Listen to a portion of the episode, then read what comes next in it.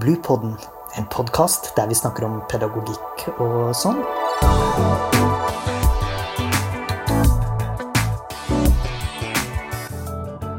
Podkasten er laget av barnehagelærerutdanninga ved Høgskolen på Vestlandet. Denne episoden handler om kultur og kulturmøte i barnehagen. Mitt navn er Monica Skaten, og jeg er her sammen med Arne Bergersen. Og vi jobber begge to på BLU-utdanningene på HVL. Jeg er på Stord, og du er i Sogndal.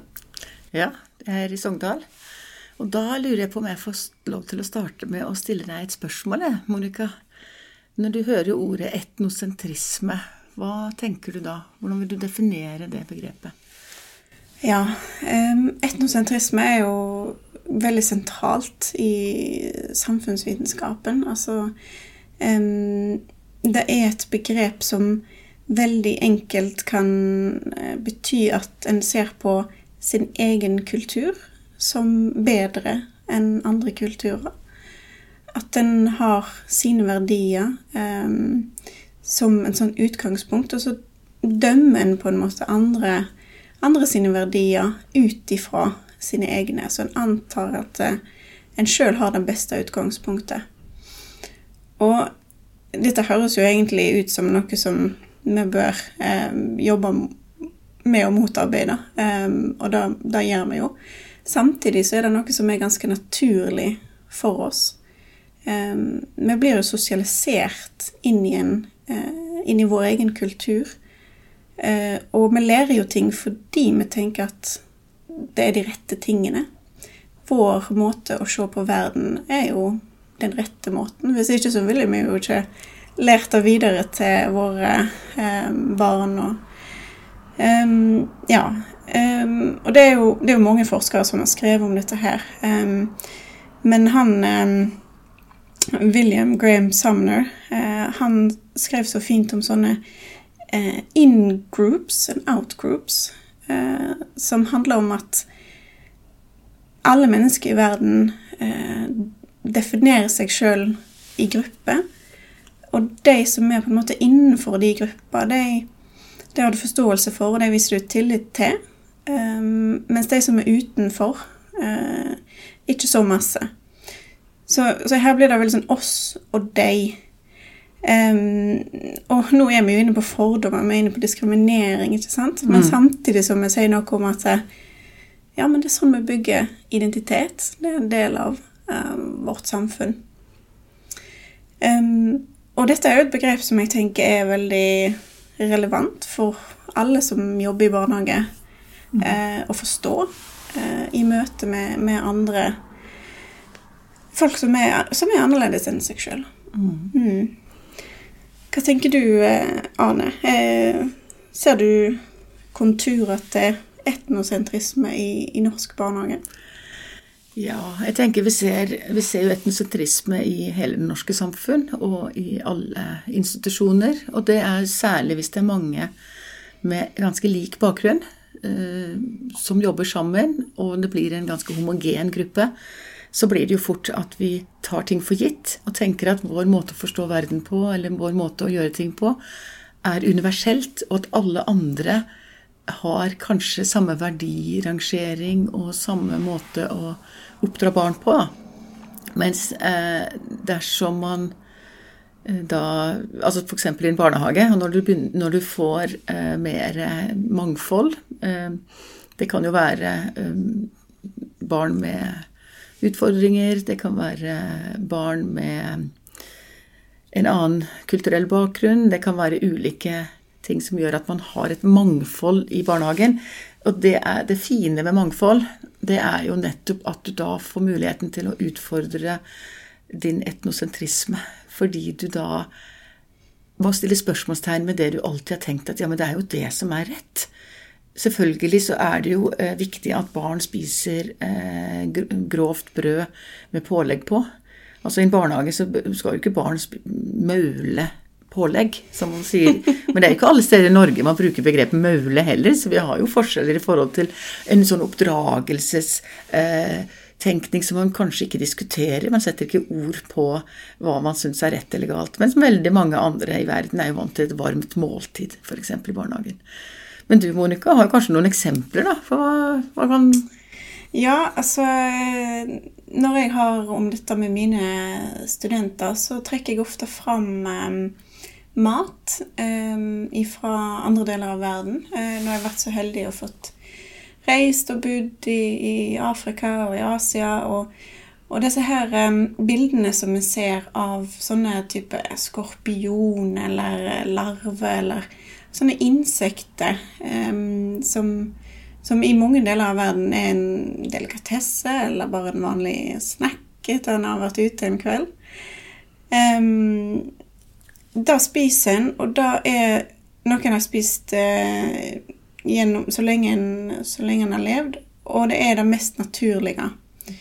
Um, sett med, med, våre øyne så er det kanskje noe som er uspiselig, og noe som vi tenker at det ville en aldri ha gjort. Um, og så er det jo måten en reagerer på da, da. om om en prøver å forstå hvorfor spiser en den maten en gjør. Um, eller reagerer en med at nei, dette er, dette er feil. Um, og da er det jo veldig greit å bli påminnet de tingene som, som, vi har i Norge, da. Uh, som andre kan reagere på, som um, f.eks. da at når veldig mange nordmenn blir gamle, uh, så har vi en tendens til å um, tenke at det er greit å komme på gamlehjem. Mm -hmm. og da å institusjonalisere store deler av den eldre befolkningen vår. Eh, da er noe som en i andre kulturer vil reagere sterkt på. Eh, hvor er familieverdiene i Norge? Mm. Så da er jo Og så har jeg møtt noen som, som sier til meg at eh, i Norge så driver dere med barnemishandling. Ja, hva tenker du da? Tannregulering. Det er så mange norske eh, barn som eh, driver og har en streng på tennene. Eh, som, som, etter våre forklaringsmodeller har en veldig god eh, forklaring. Men, som andre kulturer kan, eller personer fra andre kulturer kan se på som på det Mm. Når du snakker, så får jeg litt assosiasjoner her, jeg òg. Og det er jo Jeg har jo vært så heldig å, å vært ansvarlig for et fag som heter Global Knowledge. Og der har vi hatt til sammen 93 studenter fra Zambia. Som eh, Noen har vært barnehagelærere, noen lærere, noen sykepleiere og sosialarbeidere. De har kommet og vært i Sogndal et år og hatt praksis da eh, i barnehage og i skoler og annet. Men det som er en morsom ting når jeg har spurt dem hva er det de reagerte på når de kom til Norge, Eh, i forhold til mat, siden du snakket om disse insektene, så er de det aller, aller verste i Norge var når vi fikk servert disse her forferdelige rekene. Altså, hvordan går det an å spise reker? De, de, vi ser jo noe lignende, vi òg, men vi spiser jo ikke reker. Hva er det der for noe? Og, og, i Norge så snakket vi om det som en delikatesse, og dere må smake. Eh, og hvor de opplevde det som, som uh, mangel på forståelse, at de ikke hadde lyst til å spise disse rekene. Da. Så, så det, er, det, er, litt sånn interessant å, å bli utfordra på de tingene vi tar for gitt at andre syns er så bra med det vi gjør i, i vår kultur. Et annet eksempel jeg kanskje kan komme med, er jo den ene studenten eh, som var en barnehagelærer fra Zambia. Hun jobbet jo og hadde praksis i, i, i en barnehage i Sogn og Fjordane. Eh, og det hun skrev oppgave om, det var jo hvordan lærer barn om naturfag i norske barnehager. Så hun stilte spørsmål hva lærer studenten, hva lærer barna? Eh, dere går jo mye på tur, hvorfor går dere på tur? Hva er, læringsutbyttet for barna? Og de sa vi skjønner ikke spørsmålet. Sa men ja, hvorfor går dere på tur, da? Jo, vi går på tur fordi at barna skal få frisk luft. Og så sier hun ja, men hvorfor skal de få frisk luft? Og da blir det litt vanskelig å forklare. Så det er litt sånn, eh, Og jeg var jo veileder på dette prosjektet og måtte jo eh, også tenke igjennom hva slags gode svar skal, skal jeg eh, hjelpe til med her, så hun kunne se ting fra flere sider. Fordi i, i Zambia, hvor vi òg sender norske studenter på tre måneder, og de har jo òg praksis i førskoler, da, som jeg vil kalle det, for det er jo det er, typisk forberedelse til skolen, så er det jo læring som er i fokus. Det er eh, lite lek, mye læring, og det er jo òg en eh, læreplan de skal følge, hvor de skal lære læringsmål. Og det er klart da, og frisk luft det er jo de får så mye frisk luft eh, resten av døgnet, sånn at det som blir viktig for de er jo bare inne. Og lære seg å, å sitte litt i ro og, og, få da en god forberedelse til livet og til skolen. Så, så det at vi Hvis ikke vi eh, lytter til andres eh, forklaringer, eller hvis ikke vi er interessert i å høre hvordan man gjør ting andre steder, så lærer man jo heller ikke så mye om sine egne fordommer eller sin egen etnosentrisme, altså hvordan man rangerer sin måte å forstå verden på og sine verdier som høyere enn andres. Og det gjør vi jo uten at vi kanskje er klar over det. Så det er noe med å bli bevisstgjort eh, de tingene vi tar for gitt og tror er universelt. At ja, men alle syns vel dette er rett. Altså, Barneoppdragelse er jo veldig forskjellig fordi samfunnet er veldig forskjellig. Og da er det jo litt viktig å, å for, forklare da, at hvis du skal bosette deg i Norge og være her og fungere i det norske samfunn, så er det kanskje selvstendighetsverdien som er viktig. Mm. Mens du kanskje kommer fra en kultur hvor disiplin og innordning og respekt har vært kjerneverdier i en barneoppdragelse. Og det å kunne litt om det gjør jo òg at det blir lettere å, å, å få til en kulturell brobygging, da. Og, og, det er klart, Noe av dette her har jeg også skrevet om i en bok som heter 'Global forståelse barnehagelærernes kulturell brobygging', som kom ut i 2017, med mye eksempler fra Zambia og, og Norge. Og det er, det er, jo der jeg kanskje har lært mest. Altså det, det å ha vært mye ute på feltarbeid sjøl, men òg alle diskusjonene med samboere som stiller spørsmål hvorfor gjør dere det og det og det i Norge. Det, altså særlig det med den friske luften og hva lærer barna i norske barnehager. Og, og det tenker jeg er litt sånn viktig å lytte til foreldre som kommer og spør. Eh, og faktisk gå inn i en dialog og prøve å liksom finne ut av ja, men hva, hvorfor stiller du det spørsmålet. Det handler jo noe om at du kanskje har noen andre forventninger til hvordan ting skal være i, det, i barnehagen. Eh, mm. Fordi du har noen andre referanserammer eh, hjemmefra. Og da blir det jo litt viktig at man i barnehagen da eh, åpner opp for en dialog, men det er òg viktig å åpne opp for å tenke hva slags barnehagekultur Det har jeg snakket om i en annen bluepod her òg, men, eh, men, hvordan er barnehagekulturen? Er, er det slik at vi syns det er positivt at vi er ulike, og alle skal på en måte få lov til å vokse på sine premisser og synes å være stolt av den man er, eller handler det om, uten at vi kanskje er klar over det, at vi prøver å gjøre flest mulig lik oss sjøl. Altså en assimilering istedenfor en inkludering. Eh, og det å stille seg noen sånne spørsmål tenker jeg er ganske viktig hver gang man utfordrer er, Hvorfor gjør vi det vi gjør? Mm. Så det på eh, personalmøte Hvilke normer og regler har vi i barnehagen? Og hvorfor har vi det? Altså hvorfor, hvorfor, er det viktig? Hvorfor må barn være ute i all slags vær? Er det faglig begrunna, eller er det kulturelt betinget fordi vi er oppdratt sånn sjøl? Eh, og ting endrer seg jo. Vi er jo et mer eh, verdipluralistisk og flerkulturelt samfunn, så er det ganske viktig å lytte til de ulike stemmene og tenke hvordan skal vi gjøre dette her bedre for alle? Og lære av hverandre. Og da må man åpne seg litt opp og ikke tviholde på at den, det som jeg har lært sjøl, og den entrosentrismen, det er det som er det beste. da. Mm. Så det å ha en kultur på å utfordre hverandre tenker jeg kan være fint. Men nå må jo ikke vi være så enige, da. Nå må jo vi utfordre hverandre litt her, Monica. Nei, men jeg, jeg, tror dette her eh, du er inne på, handler masse om å, om å akseptere et eh, perspektivmangfold. Eh, og der er vi jo på en måte tilbake til etnosentrismen fordi eh, vi, vi, blir veldig kjørt inn på ett perspektiv. Det er vårt perspektiv, og det er det som er rett, og det er det som er naturlig for oss. Eh, men det blir veldig, og det blir veldig ubehagelig å skal stå og forstå i andre sine perspektiv.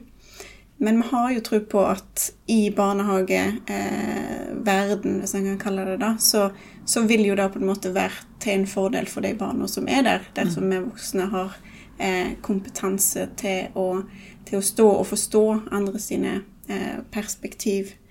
Um, så selv om jeg har veldig lyst til å være uenig med deg bare for å bare for å vise flere perspektiv, så um, Ja, så tenker jeg at uh, de poengene du har her, er, er veldig gode. Um, men så er det jo sånn at det, det er ikke alle som er så heldige som oss at de kan reise ut i felten og, ja få alle disse perspektivene inn på kroppen eh, gjennom å på en måte reise ut og være annerledes. Eh. Hva tenker vi studenter som ikke har den eh, muligheten av ulike grunner? Hva, hva, vil vi si til deg? Hva, hva, skal rådene våre være til deg, og på en måte få en sånn åpenhet og, og kompetanse eh, fra fra campus eller fra, fra personal, eller mm. ja, Jeg pleier ofte å si til studenter eh, Tenk igjennom hvem er vennekretsen din. Hvem er det du omgås? Eh, hvem er det du tenker at Og det kan være mer studenter. Hvem er det du nesten aldri snakker med? Hvem er det du kanskje prøver å unngå? Og hvorfor gjør du det? Altså, hvorfor velger du det behagelige istedenfor det ubehagelige? For det med å stå i det ubehagelige, for nettopp når du møter litt motstand Du møter personer som politisk kanskje stemmer noe helt annet enn det du sjøl gjør. Det, eller eh, ja, mener eh, helt andre ting om ting som du brenner veldig for. Det er jo nettopp de du lærer veldig mye av, for da må du jo argumentere. Og det å møte motstand og stå i den motstanden kan være ubehagelig, men jeg tenker det er som student er det viktig, men også i et barnehagefelt. Det vil jo være uenighet eh, om mange ting i en barnehage, og da er det litt viktig at de diskusjonene kommer opp, istedenfor at det blir kosta under teppet. For da vil det jo ligge og ulme. Eh, og da blir det ikke noe bra lærings- eh, og opplevelses miljø for noen. Men, men det rett og slett oppsøke det som er litt annerledes. De som er ulik deg sjøl, det er de som får deg til å eh, se ting kanskje på andre måter. Da. De utfordrer de tingene du tar for gitt. Og jeg tror nok en del nyansatte barnehagelærere opplever det når de kommer i en barnehage som er veldig homogen. Mange har jobba der sammen i lang tid. Gjennomsnittsalderen er 52 år, og du er da 25.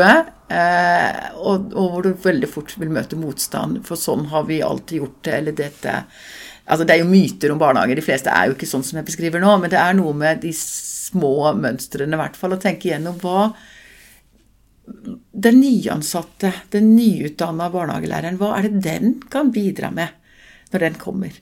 Eller den unge mannlige assistenten som er der et år eller to for å finne ut hva han har lyst til å gjøre her i livet. Hva er det den bidrar med av interessante diskusjoner, eller hva er det den observerer og ser? Lytt til de nyansatte. Hva er det de får med seg? For de ser jo veldig tydelige ting som de ikke helt forstår. Og, og da blir det jo viktig kunnskap å gi til foreldre som kanskje ikke forstår hvordan er egentlig normen her? Kan vi gå og ta oss kaffe? Kan vi eh, Hvordan er det i garderoben? Hva, hva, er det egentlig vi skal gjøre? Nei, bare gjør som du vil. Og så blir man veldig usikker. Mm. Sånn at det med de nyansatte som ressurs, med å lytte til det de reagerer på i en barnehage som de kjenner seg usikker på, da bør kanskje barnehagekulturen liksom gripe fatt i det og si at dette her har vi i grunnen ikke tenkt så mye over, for vi tar det for gitt. Og vi har blitt litt etnosentriske, kanskje. Vi tenker altså I vår egen barnehagekultur så er det, det er sånn vi gjør det. Mm. Og da er jo eh, veldig gode tips sant? å gå tilbake til dette med etnosentrisme og forklare hva det er for noe. Og møte en veldig masse motstand for, for sine forslag og sine perspektiv, så går det jo an å bruke det språket som finnes. Sant? At dette er mitt perspektiv. Eh, ja. Men Arne, vi kunne ha snakka om kultur og kulturmøte i lange baner.